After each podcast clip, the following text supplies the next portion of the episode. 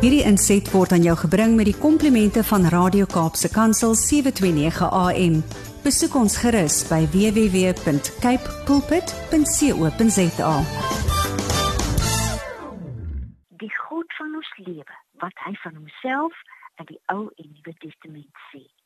Liewe luisteraars, ek is Marita Martens en dit is vir my 'n geweldige voorreg om hierdie Bybelstudie met uh, met jou te deel.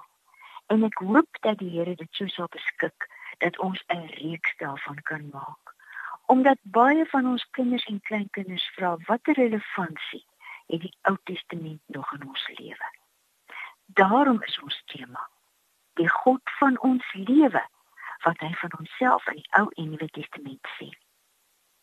Wie van ons ons kies min of meer sonder uitsondering om 'n boek wat deur tienduisende lesers gelees, aanbeveel, geniet en bespreek word in die middel te begin lees.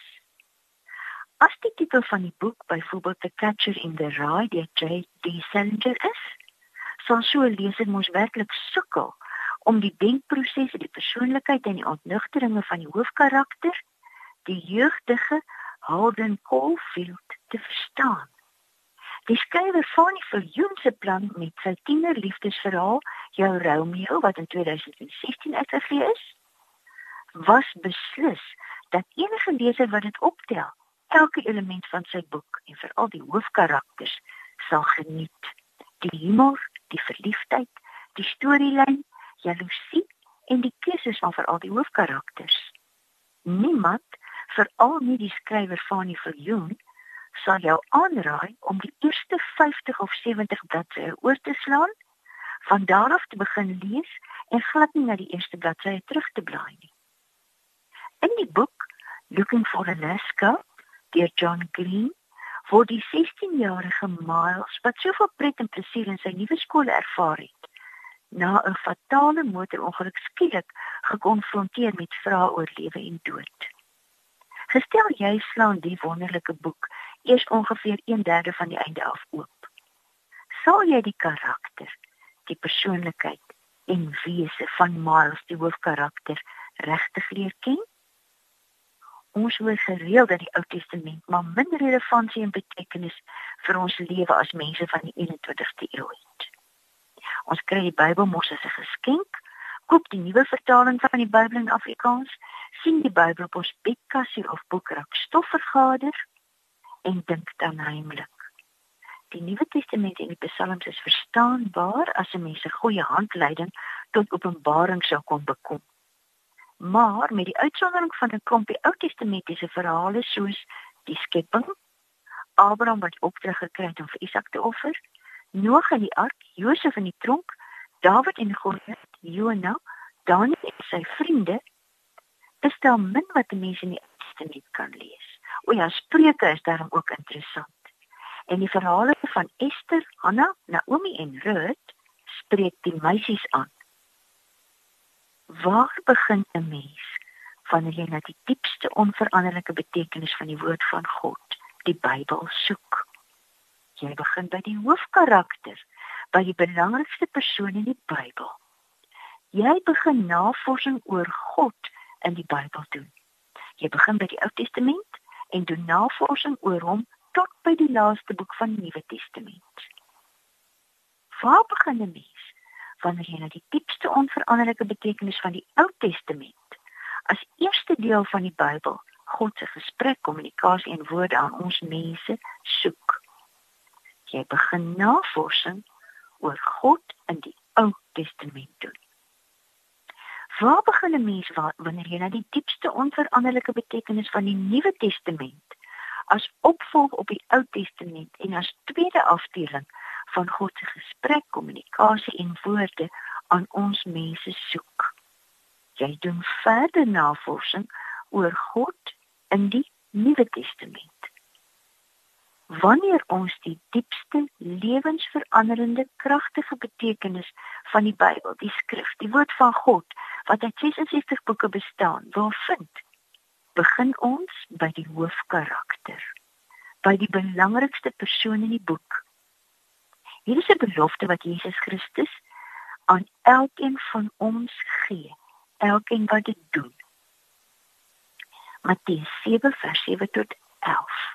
Vra en vir julle sal gegee word. Soek en julle sal kry. Klop en vir julle sal oopgemaak word. Want elkeen wat vra, ontvang en elkeen wat soek, kry. En vir elkeen wat klop, sal oopgemaak word. Watter mens onder julle sal vir sy seun 'n klip gee as hy 'n brood vra? Of 'n slang as hy 'n vis vra? As julle wat sleg is, dan weet om vir julle kinders goeie dinge te gee. Hoeveel te meer sal julle Vader wat in die hemel is, goeie gawes gee aan die wat dit van hom vra. Kom ons vra die God van ons lewe om ons oë, hart en verstand aan te raak en oop te maak, sodat ons hom regtig kan leer ken, sodat ons sal ontdek hoe en wat hy is. Here, ons vra U om U self in en deur die Ou en Nuwe Testament aan ons te openbaar.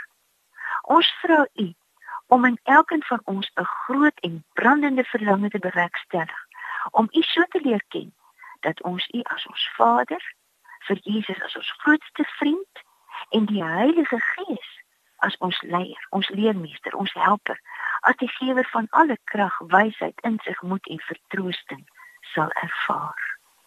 Amen. Kom ons begin dan navorsing oor die God van ons lewe doen. Die God wat aan elkeen van die skrywers van die Bybel deur sy Heilige Gees die opdrag gegee het om vir alle generasies wat ooit op die aarde sou leef, neer te skryf wie hy is, wat hy doen, wat hy gedoen het, wat hy nog gaan doen, hoe hy oor ons voel, waar hy is, hoe en wie hy is en was en altyd sal wees. Ons het gehoor dat Jesus sê elkeen wat soek, kry. Vir elkeen wat klop, sal oopgemaak word. Ons klop aan die deur van die skrif en God self maak die deur vir ons oop sodat ons sy woorde heel heel in die begin kan hoor. Sodat ons hom biljoene jare gelede beveel kan hoor gee. Sodat ons kan sien wat gebeur wanneer die God van ons lewe net 'n opdrag gee. Ons begin lees in Genesis 1. Genesis 1 vers 1. In die begin het God die hemel en die aarde geskep. Die aarde was heeltemal onbewoonbaar. Dit was donker op die diep waters. Maar die gees van God het oor die waters gesweef. Toe het God gesê: "Laat daar lig wees." En daar was lig. God het gesien die lig is goed en hy het die lig en die donker van mekaar geskei. God het die lig toe dag genoem en die donkerheid nag genoem. Dit het aand geword en dit het môre geword. Dit was die eerste dag. Toe het God gesê: "Laat daar 'n gewelf wees tussen die waters en die waters en waters van mekaar te skei." So het dit gebeur. God het die gewelf gemaak en die waters onder die gewelf geskei van die waters bo die gewelf. Die waters bo die gewelf is die wolkemassas. God het die gewelf hemel genoem of hemelruim. Dit het aand geword en dit het môre geword. Dit was die tweede dag. Toe het God gesê: "Laat die waters onder die hemel op een plek bymekaar kom sodat die droë grond sigbaar word." So dit ge gebeur.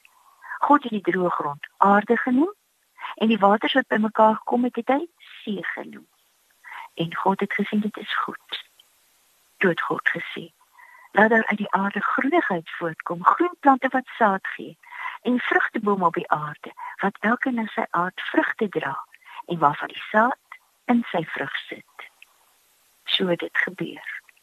Die aarde het groen plante wat uitspruit, wat elkeen na sy aard saad gee en bome wat vrugte dra, met die saad daarin.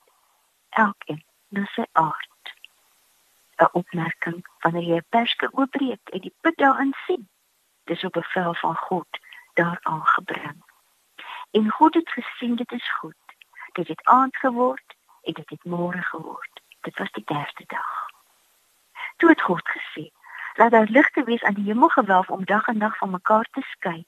Hulle moet as tekens dien om seisoene, dae en jare aan te dui.